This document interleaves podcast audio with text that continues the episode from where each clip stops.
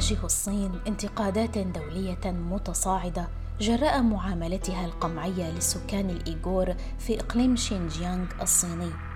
إذ تخرج العديد من التقارير الإعلامية التي تتحدث عن معسكرات للعمل القسري يتم فيها احتجاز أبناء تلك الأقلية بالإضافة إلى عمليات إعقام جماعية تقوم بها السلطات الصينية بحقهم.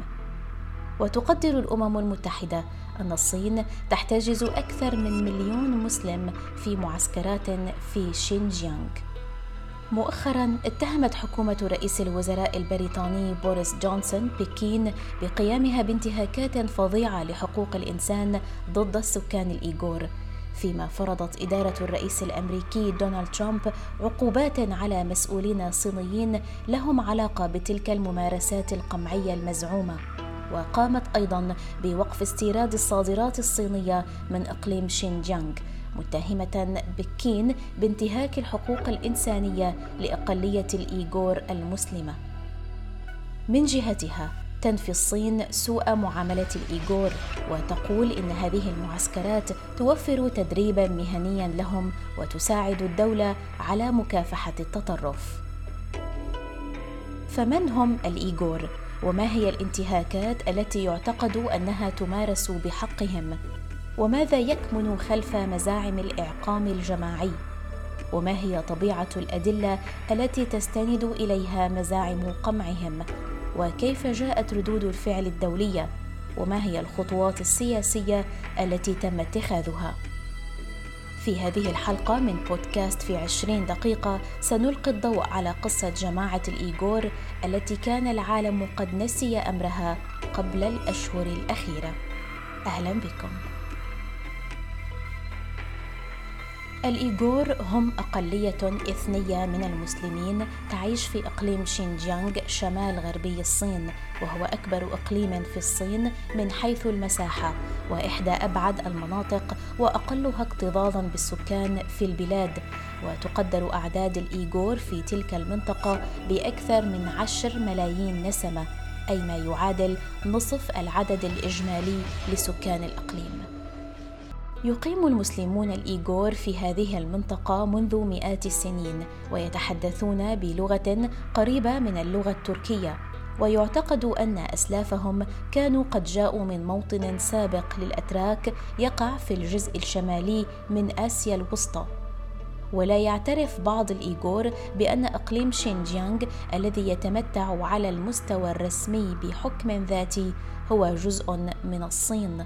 ويستندون بذلك إلى دليل يقول إن أسلافهم عاشوا في المنطقة قبل أن تبسط سلالتا هان وتانغ الصينيتان هيمنتهما عليها. الإيغور يعتبرون أنفسهم أقرب عرقيا وثقافيا لأمم آسيا الوسطى ويشكلون نحو 45% من سكان شينجيانغ في حين تبلغ نسبة الصينيين من عرقية الهان في هذا الإقليم نحو 40%. منطقة شينجيانغ غنية بالموارد الطبيعية وكان اقتصادها على مر التاريخ يتمحور حول الزراعة والتجارة وكانت بلداتها بمثابة محطات توقف رئيسية على طول طريق الحرير الشهير. وفي أوائل القرن العشرين أعلن الإيغور لفترة وجيزة الاستقلال لكن المنطقة خضعت بالكامل لسيطرة الصين الشيوعية عام 1949 ومنذ ذلك الحين انتقل عدد من عرقية الهان الصينية إلى الإقليم فيما تخشى عرقية الإيغور من اندثار ثقافتهم. وتتمتع شينجيانغ بالحكم الذاتي داخل الصين مثل إقليم التيبت في جنوب البلاد. وعلى مدى سنوات عديدة واجهت طائفة الإيغور تمييزا شاملا من قبل الحكومة الشيوعية التي فرضت قيودا واسعة النطاق على قدرتهم على ممارسة ثقافتهم ودينهم. كما قدمت الحكومة حوافز للملايين من طائفة الهان الصينية وهي أكبر طائفة عرقية في الصين للانتقال إلى إقليم شينجيانغ بهدف التخفيف من الكثافة السكانية للأغلبية الإيغورية. وتطوير الموارد الطبيعية في المنطقة وأدى التمييز الاجتماعي والحكومي الواسع الانتشار ضد الإيغور وغيرهم من أفراد الأقليات المسلمة إلى احتجاجات ضد الحكم الصيني وحالات عنف متفرقة. وتفيد العديد من التقارير الصحفية أن الحكومة المحلية قامت في السنوات الأخيرة بتنظيم تجمعات عامة تلزم فيها الأقليات العرقية بالتوقيع والتعهد بولائها للحزب الشيوعي الصيني. وعلاوة على ذلك فإن الحكومة الصينية تحد بشكل صارم من قدرة الإيغور على الحصول على جوازات سفر. الأمر الذي يقيد حرية تنقلهم ويجعل من الصعب عليهم التواصل مع الشعوب الأخرى في الخارج. وفيما يتهم الإيغور السلطات الصينية بممارسة التمييز ضدهم تقول الصين إن ميليشيات الإيغور تشن حملة عنف تشمل التآمر للقيام بعمليات تفجير وتخريب وعصيان مدني من أجل إعلان دولة مستقلة. ومنذ شهر نيسان إبريل عام 2017 بدأ الحديث عن وجود أدلة موثقة تشير إلى احتجاز ما يقدر بمليون شخص من الإيغور وغيرهم من الأقليات المسلمة في مراكز اعتقال بإقليم شينجيانغ بهدف إعادة تأهيلهم. وذلك حسب تقرير أصدرته هيئة الأمم المتحدة لمكافحة التمييز العرقي. من جهتها تنفي الصين حصول أي انتهاكات أو سوء معاملة. وتدعي أن هذه المعسكرات تمثل مراكز تدريب مهني وهي ضرورية لمكافحة الإرهاب وتساعد في استئصال تطرف الانفصاليين الإسلاميين كما تعلم المشاركين فيها مهارات مهنية جديدة. لكن الناس الذين هربوا من هذه المعسكرات يروون قصصا عن تعرضهم للصدمات الكهربائية والاعترافات القسرية وغسل الأدمغة. كما يتم إجبارهم على غناء الأغاني الصينية وحفظ القوانين وترديد أقوال الحزب الشيوعي. وفي عام 2018 أصدرت منظمة العفو الدولية تقريرا وجد أن مظاهر الاعتقال التعسفي بحق الإيغور منتشرة في إقليم شينجيانغ. كما تدعي جماعة في المنفى تطلق على نفسها اسم مجلس الإيغور العالمي أن المعتقلين يحتجزون من دون اتهامات ويجبرون على الخضوع لمحاولات تلقين عقائدي تتضمن ترديد هتافات وشعارات للحزب الشيوعي الصيني. وأفادت وسائل الإعلام ومنظمات حقوق الإنسان الدولية بأن مسؤولين أمنيين في المراكز أساءوا معاملة بعض المعتقلين وعذبوا وقتلوا البعض الآخر. هناك أدلة تشير أيضا إلى اعتماد الحكومة الصينية تدابير وحشية كي تخفض معدلات الإنجاب في أوساط الإيغور وذلك في إطار حملة تهدف إلى كبح تكاثر السكان المسلمين في الصين. ووفقا لتقرير نشر في شهر حزيران يونيو الفائت فإن السلطات الصينية تقوم بإجبار نساء الإيغور في إقليم شينجيانغ على عمليات إعقام أو التزود بوسائل منع الحمل. كما توصل تحقيق استقصائي حديث لأسوشييتد بريس إلى أن النساء في إقليم شينجيانغ واجهن غرامات مفروضة وتهديدات بالاعتقال لتجاوزهن قيود الإنجاب. كما وجد التحقيق أن السلطات الصينية تفرض استخدام وسائل منع الحمل الرحمية وتخضع نساء الإيغور لعمليات إعقام وأحيانا للإجهاض.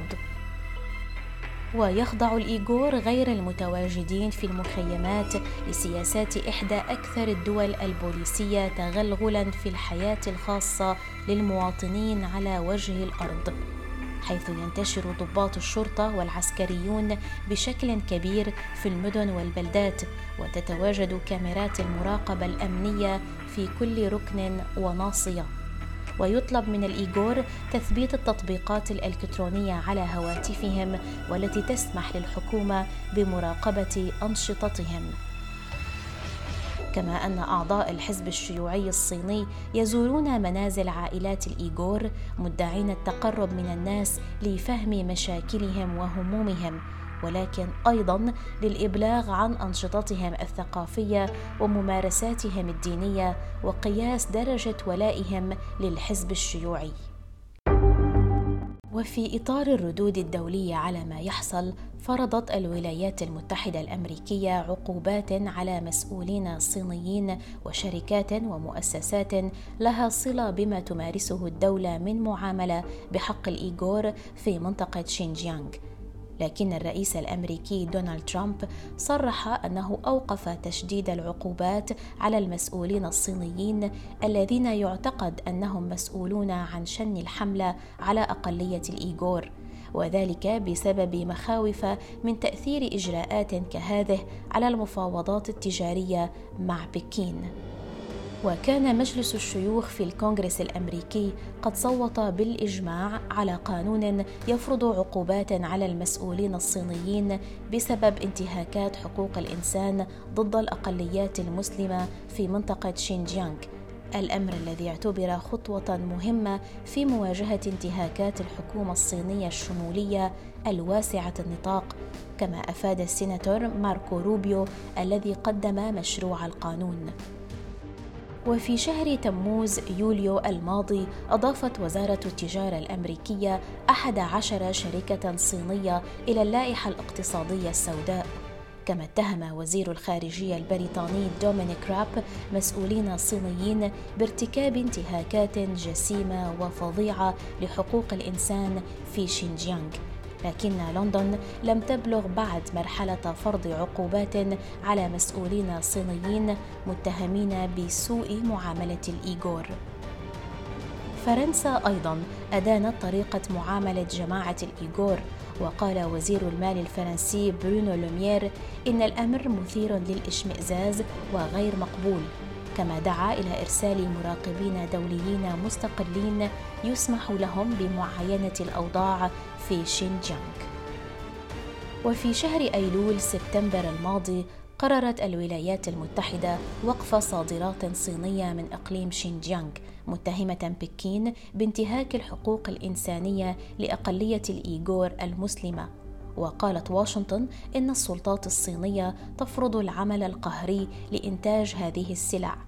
في أماكن من بينها مراكز التأهيل التي تصفها الولايات المتحدة بمعسكرات اعتقال جماعية. وشمل حظر التصدير الملابس والقطن وقطع غيار الحاسوب ومنتجات خاصة بالشعر.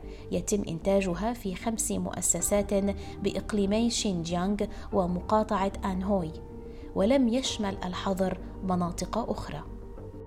كما دعا تحالف من الهيئات التجارية التي تمثل العلامات التجارية للملابس والأحذية الأمريكية دعا الحكومة الأمريكية إلى المساعدة في إيجاد حل يحمي حق العمال وسلامة سلاسل التوريد العالمية مما يؤدي إلى اقتراح المشرعين الأمريكيين تشريعات لحظر السلع المصنوعة مع العمل الجبري في منطقة شينجيانغ الصينية من دخول البلاد. الحكومة الصينية ترصد استثمارات ضخمة في شينجيانغ خاصة في مشاريع الصناعة والطاقة. لكن أقلية الإيغور تشكو من أن عرقية الهان يأخذون وظائفهم كما أن السلطات تصادر مزارعهم من أجل مشروعات التنمية.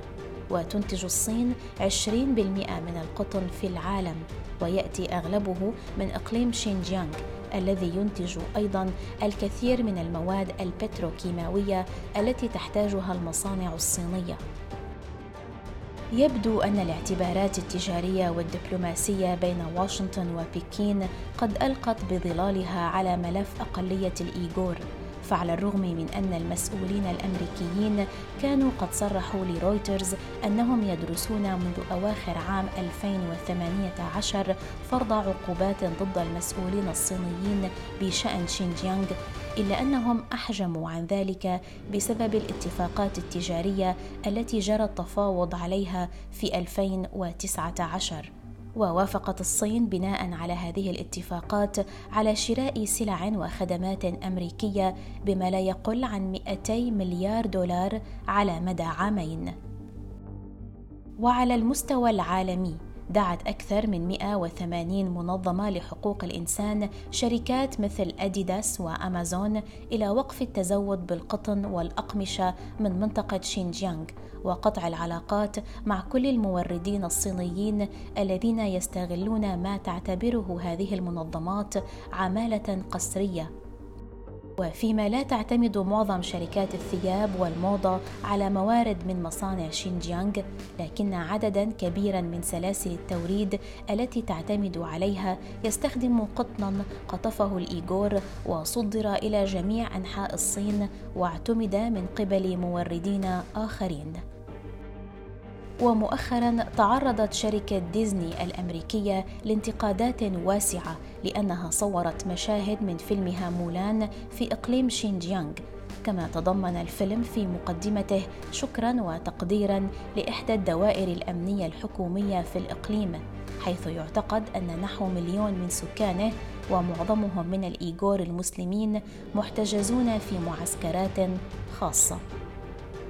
وكان فيلم مولان الذي أنتجته ديزني العام الحالي قد استهدف بحملة مقاطعة فيما لم تعلق الشركة على اللغط الدائر حول مكان تصوير الفيلم وما يتضمنه من شكر وتقدير.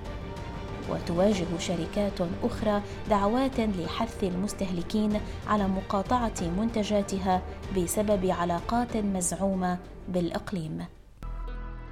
وعلى الصعيد القانوني يحاول الإيغور المتواجدون في المنفى مقاضاة الصين أمام المحكمة الجنائية الدولية وهم هؤلاء الذين فروا من مقاطعة شينجيانغ الصينية بسبب التعذيب على يد الحزب الشيوعي الصيني.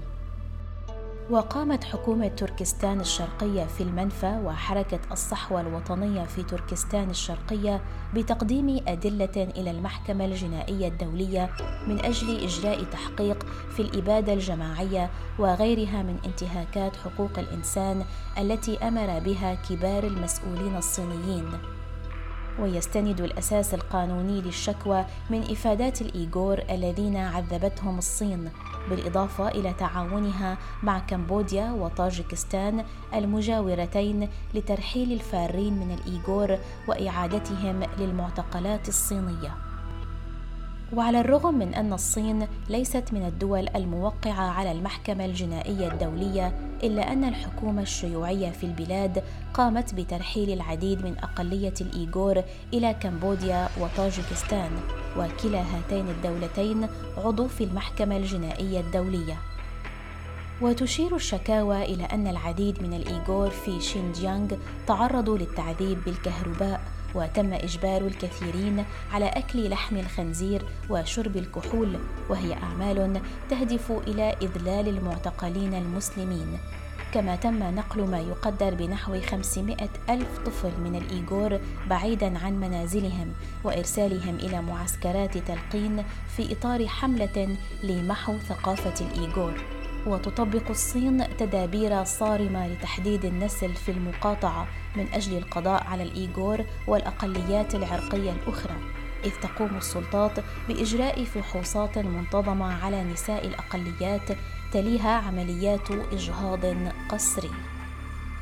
ويشير تحقيق أجرته وكالة الأسوشييتد بريس إلى أن وجود عدد كبير جدا من الأطفال بحد أقصى طفلين في المدن وثلاثة في القرى هو السبب الرئيسي وراء إرسال الأشخاص إلى معسكرات الاعتقال بالإضافة إلى فرض غرامات مالية كبيرة على العائلات التي تنتهك هذه السياسة في حين أن العائلات الصينية لا تواجه هذه الغرامات كما تم إلقاء القبض على العديد من السجناء بسبب سفرهم إلى الخارج أو العمل في المساجد المحلية. كانت هذه حلقة اليوم من بودكاست في عشرين دقيقة. حاولنا أن نلقي فيها الضوء على ملف أقلية الإيغور المسلمة في الصين وما تعانيه من سياسة تمييز وإبادة وإقصاء من قبل حكومة بكين التي تقول إنها تحارب في شينجيانغ القوى الشريرة الثلاث. المتمثلة في الميول الانفصالية والإرهاب والتطرف على حد زعمها. وتصر على أن المعسكرات المذكورة إنما هي مدارس اختيارية للتدريب على سبل التصدي للتطرف. شكرا لكم على الاستماع إلينا ونلتقي في حلقة جديدة على راديو الآن. إلى اللقاء.